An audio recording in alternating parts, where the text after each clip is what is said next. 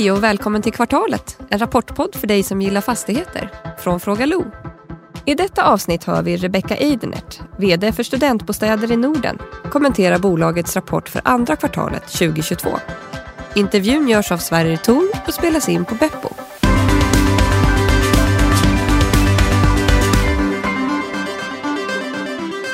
Hej och välkommen tillbaka till kvartalet. Jag hoppas att alla har haft en väldigt fin sommar. Och du också Rebecka Jajamän, Eidenert, precis. Så VD på Studentbostäder i Norden. Mm. Mm. Har du haft en fin sommar? Absolut, fantastiskt väder och lite jobb. Och har du gjort som rekordmånga svenskar, lyssnat på kvartalet? Det har jag, alla avsnitt. Härligt, härligt. Mm. Det har varit en fantastisk eh, ro- rolig sommar bara att följa lyssnarsiffrorna måste jag säga. Kvartalet var faktiskt eh, en av Sveriges mest lyssnade poddar. Alla kategorier under sommaren. Det var ju riktigt roligt. Ja, gratulerar. Ja, tack. Ja, detsamma. Men hör du, eh, vi ska inte prata om det. Vi ska prata om eh, rapporten. Mm. Men ska vi börja med att höra vad Niklas tycker? Det gör vi.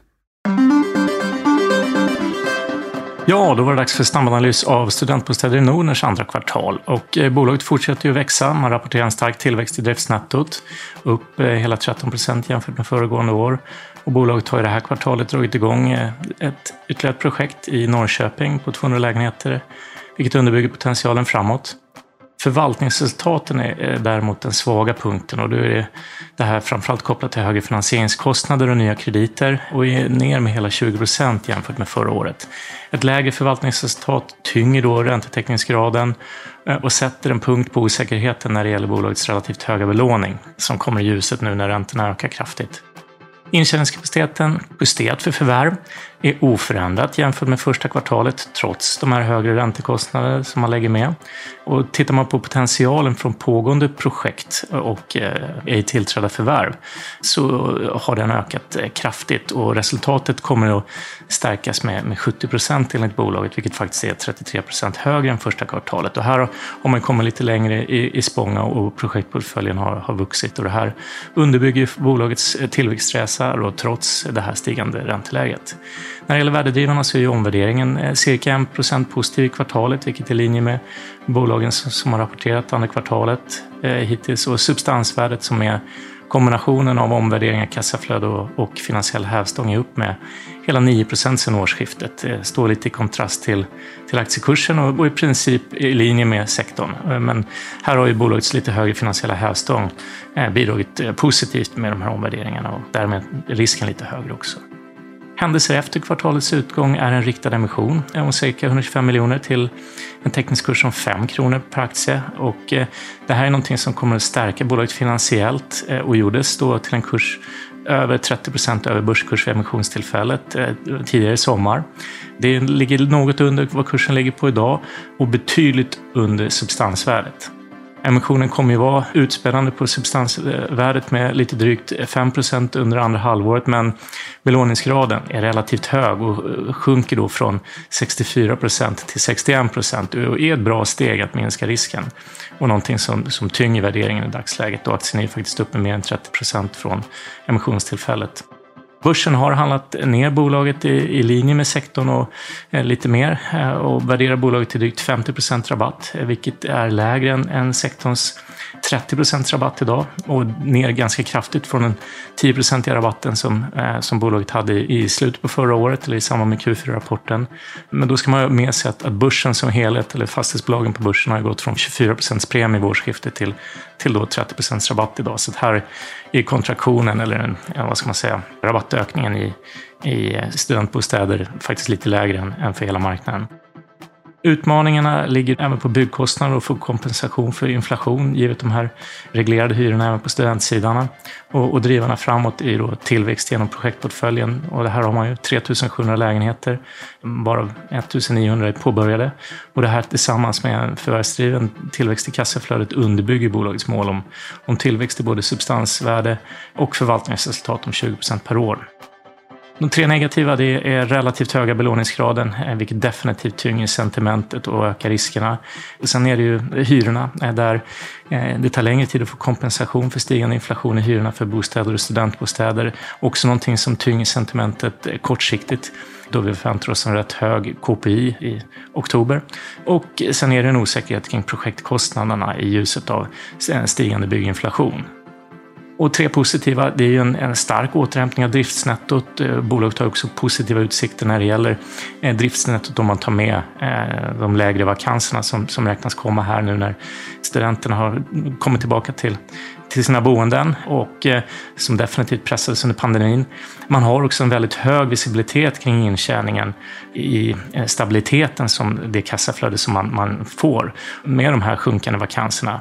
Och sen är ju värderingen riktigt attraktiv. Tack för det Niklas. Vad tycker du? Är du nöjd? Jag är nöjd. Eh, och eh, här under sommaren har ju vi verkligen kunnat se att studenterna kommer tillbaka till lärosätena. Så det är jättekul att se. Mm. Är det det du tar mest fasta på? För det är ju det är ganska utmanande omständigheter på många sätt just nu. Jo, men så är det. Men eh, alltså, som fastighetsbolag så självklart, alltså, hyrorna är ju vår största intäktskälla. Så att eh, det är absolut det, det, viktigaste när vi tittar framåt. Mm, mm. Mm. Och ni har en eh, vakansgrad på 8% nu. Mm. Eh, eller hade vi kvartalsskiftet. Ja, men jag räknar med att den är mycket lägre idag. Ja men precis, det har vi med i vd-ordet också. Vi ser att eh, den går under 2% nu. Eh, och eh, det är väl egentligen första gången sedan coronan kom. Eh, så det är en jätteviktig indikator för oss. Då är det väl typ i stort sett i första gången i bolagets historia, för så gamla är ni ja, inte. Precis, nej men vi startade 2018. Eh, ja. Så att, eh, nej men det, det, är klart att liksom i ett så nybildat bolag och få liksom få tagit den här coronasmällen. Det är klart att det, det är inte vad man hade önskat. Mm. Men så såg världen ut. Vi har liksom också visat med den organisation som vi har satt att eh, vi, vi, jobbar på rätt sätt. Vi har skrivit 1700 eh, hyresavtal från maj mm. eh, till nu. Så att det är en otrolig...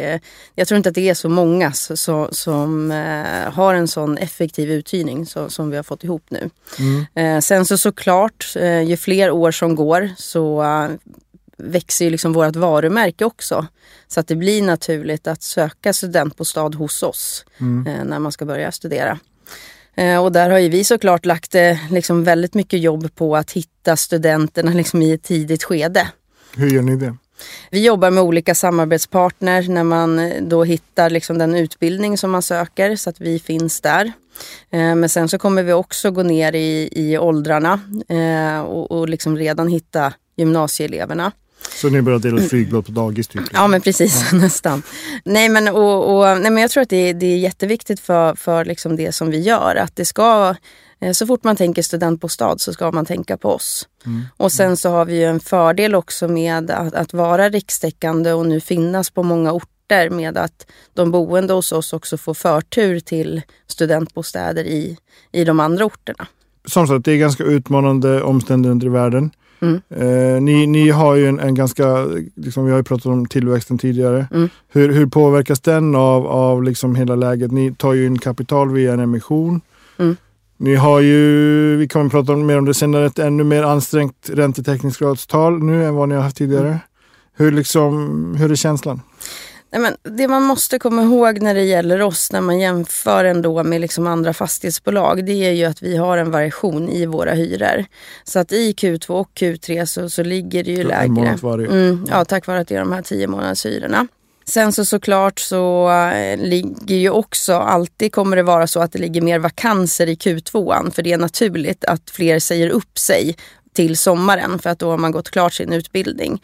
Eh, och de lägenheterna kommer stå vakanta per sista juni eh, och sen så blir, blir uthyrda igen strax efter. Mm. Eh, så att det, det, är ju viktigt att ta med sig.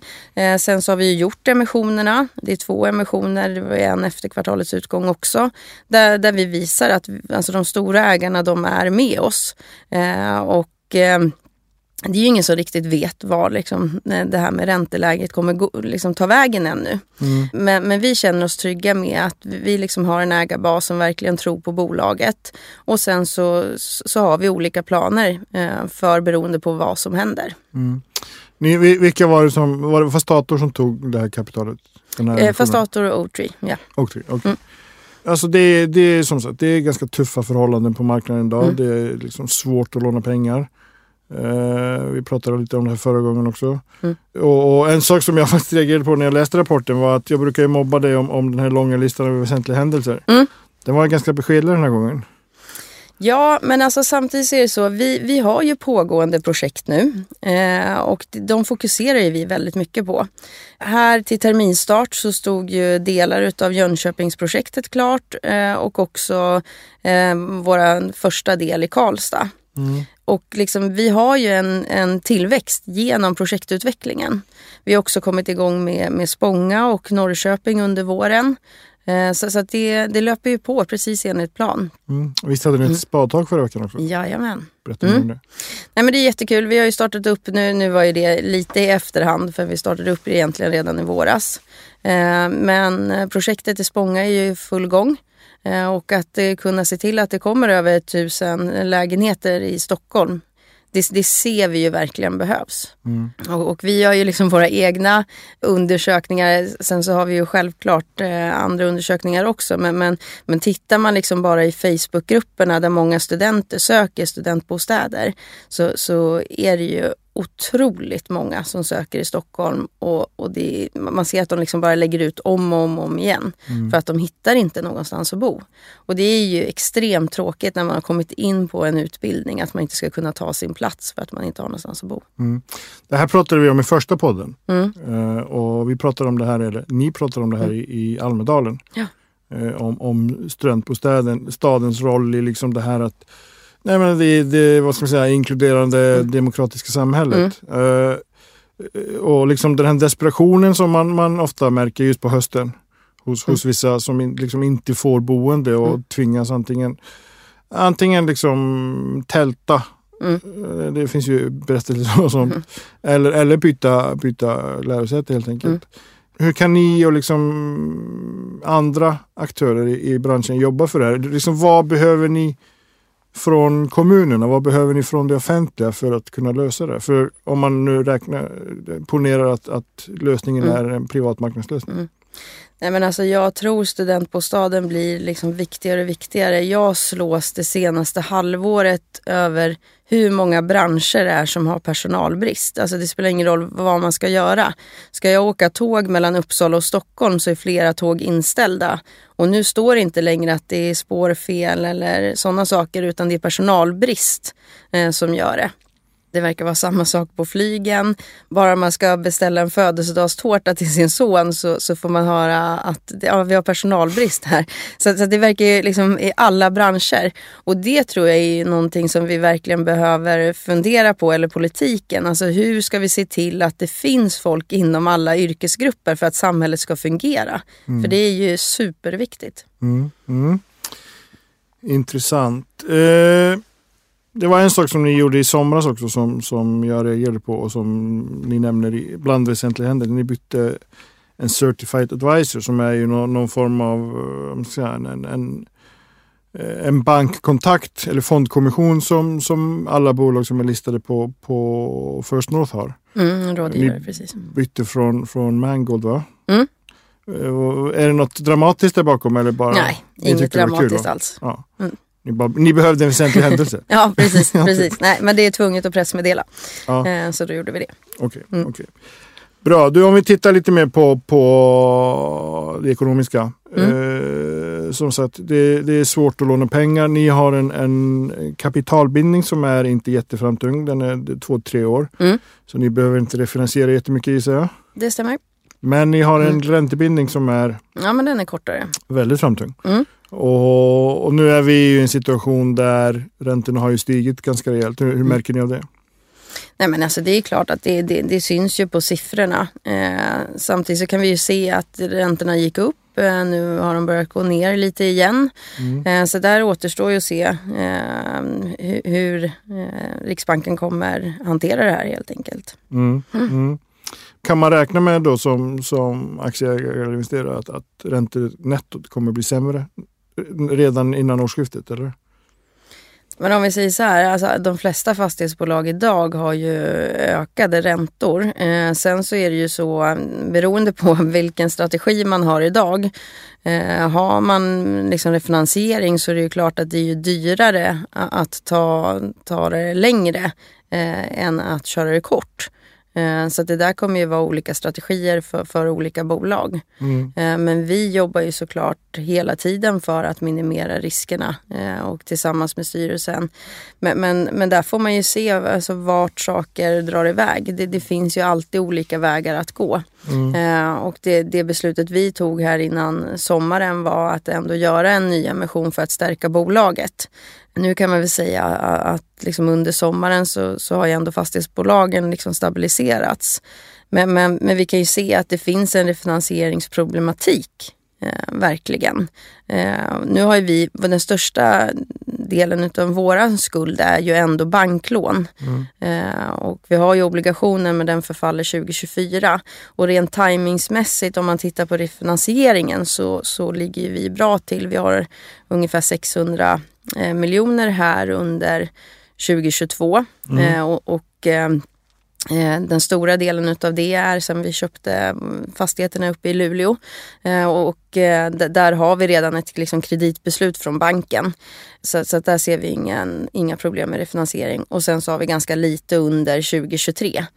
Så rent timingmässigt så, så, så ligger vi bra till. Men blir det svårare att, att starta nya projekt? Alltså om ni, om ni nu skulle få möjligheten? Ja, alltså det är väl klart att, att byggnadskreditiv är väl det första som bankerna tittar på ändå, eh, där de ser liksom mest risk. Men, men, det är också beroende på hur projekten ser ut. Är det en total entreprenör? Eh, är det ett fast eh, pris? Mm. Mm. Så det gäller att få bort riskerna även i projekten. Okay. Du nämner ju vd mm. att ni, ni, ni genomför ett arbete tillsammans med styrelsen där ni, där ni ser över riskerna. Mm. Vad, kan du gå på något mer i detalj in på det? Nej, det kan jag inte göra i dagsläget. Okay, mm. okay. En annan som eh, jag tyckte var intressant var ju det här med, med överskottsgraden mm. som har ju stigit. Mm. Eh, dels för att ni har ju fått in eh, större effektivitet i förvaltningen mm. men ni har ju också mm. fått in nya projekt som ni, som ni liksom flytt, inflyttat. Mm. Vad är nästa steg där? Nej, men alltså vi fortsätter att jobba och det är klart att överskottsgraden påverkas ju mycket av vakansen också. Eh, så, så, att det kommer ju liksom öka på den när, när vi minskar vakansen. Mm. Och när det gäller liksom studentbostäder så eh, ja, men det gäller hela tiden att liksom ha en så effektiv organisation som möjligt. Mm. Eh, mm. Sen så är det klart att överskottsgraden påverkas ju också av energipriserna. och, men där har vi också försökt att liksom minimera riskerna. Vi har 50% bundet. Men, men ja, förvaltning den blir aldrig klar. Nej. Det är liksom hela tiden måste du trumma på och titta på olika delar. Mm, mm.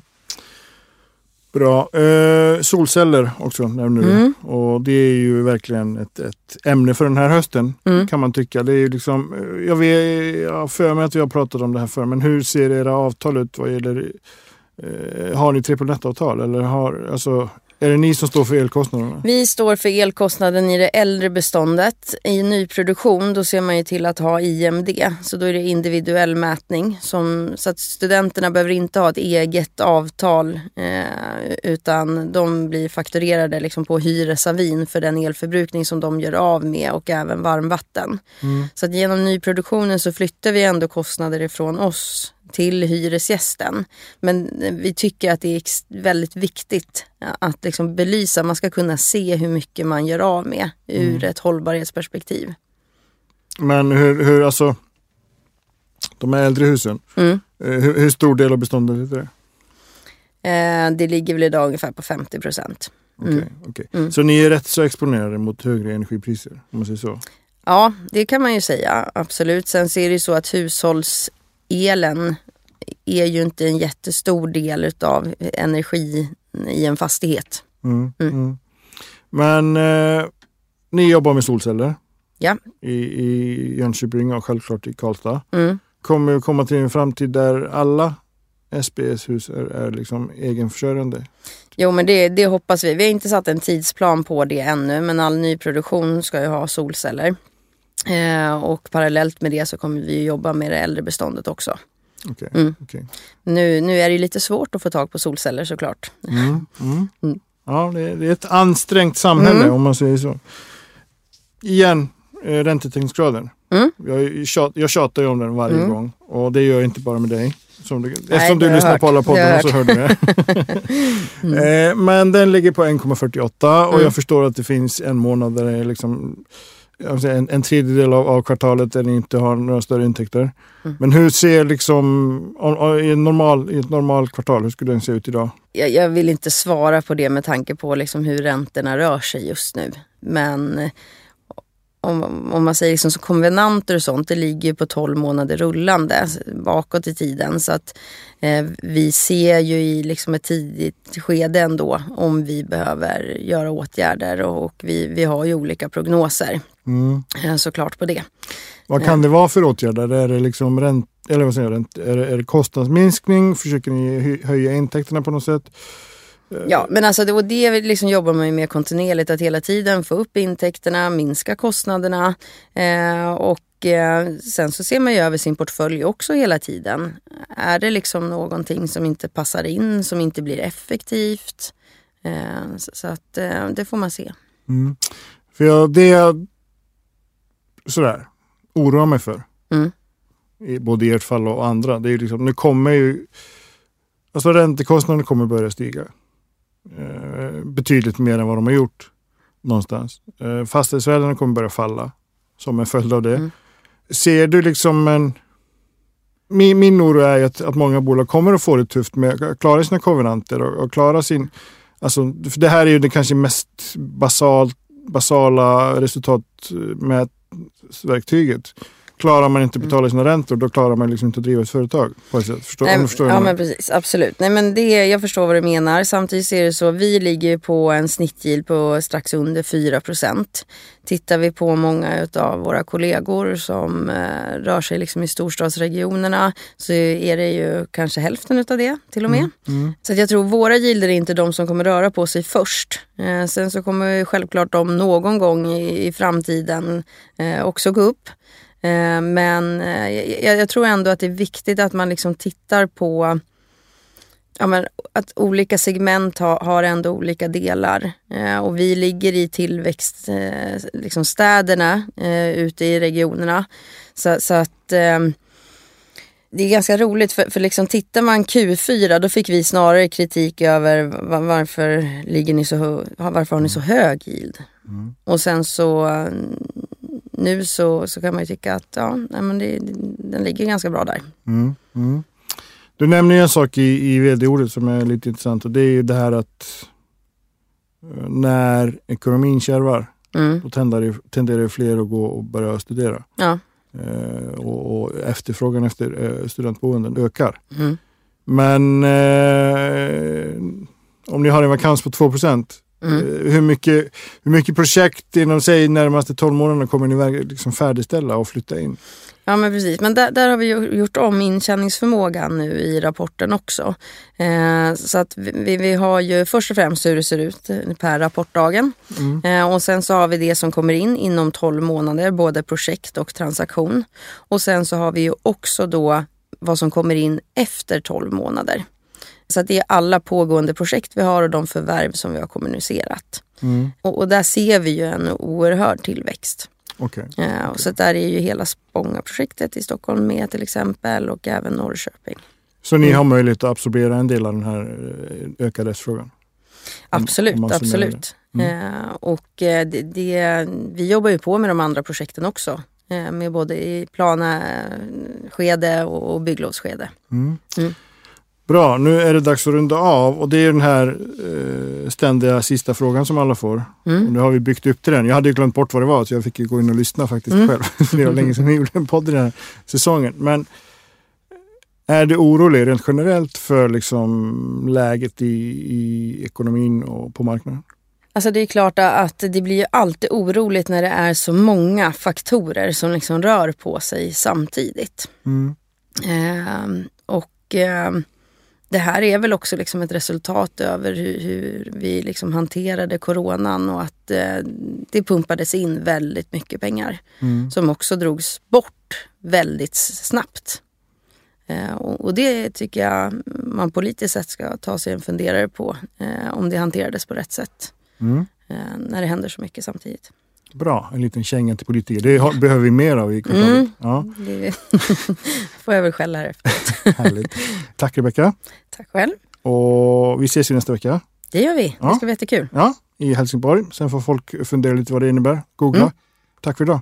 Tack själv. Och tack för att ni har lyssnat.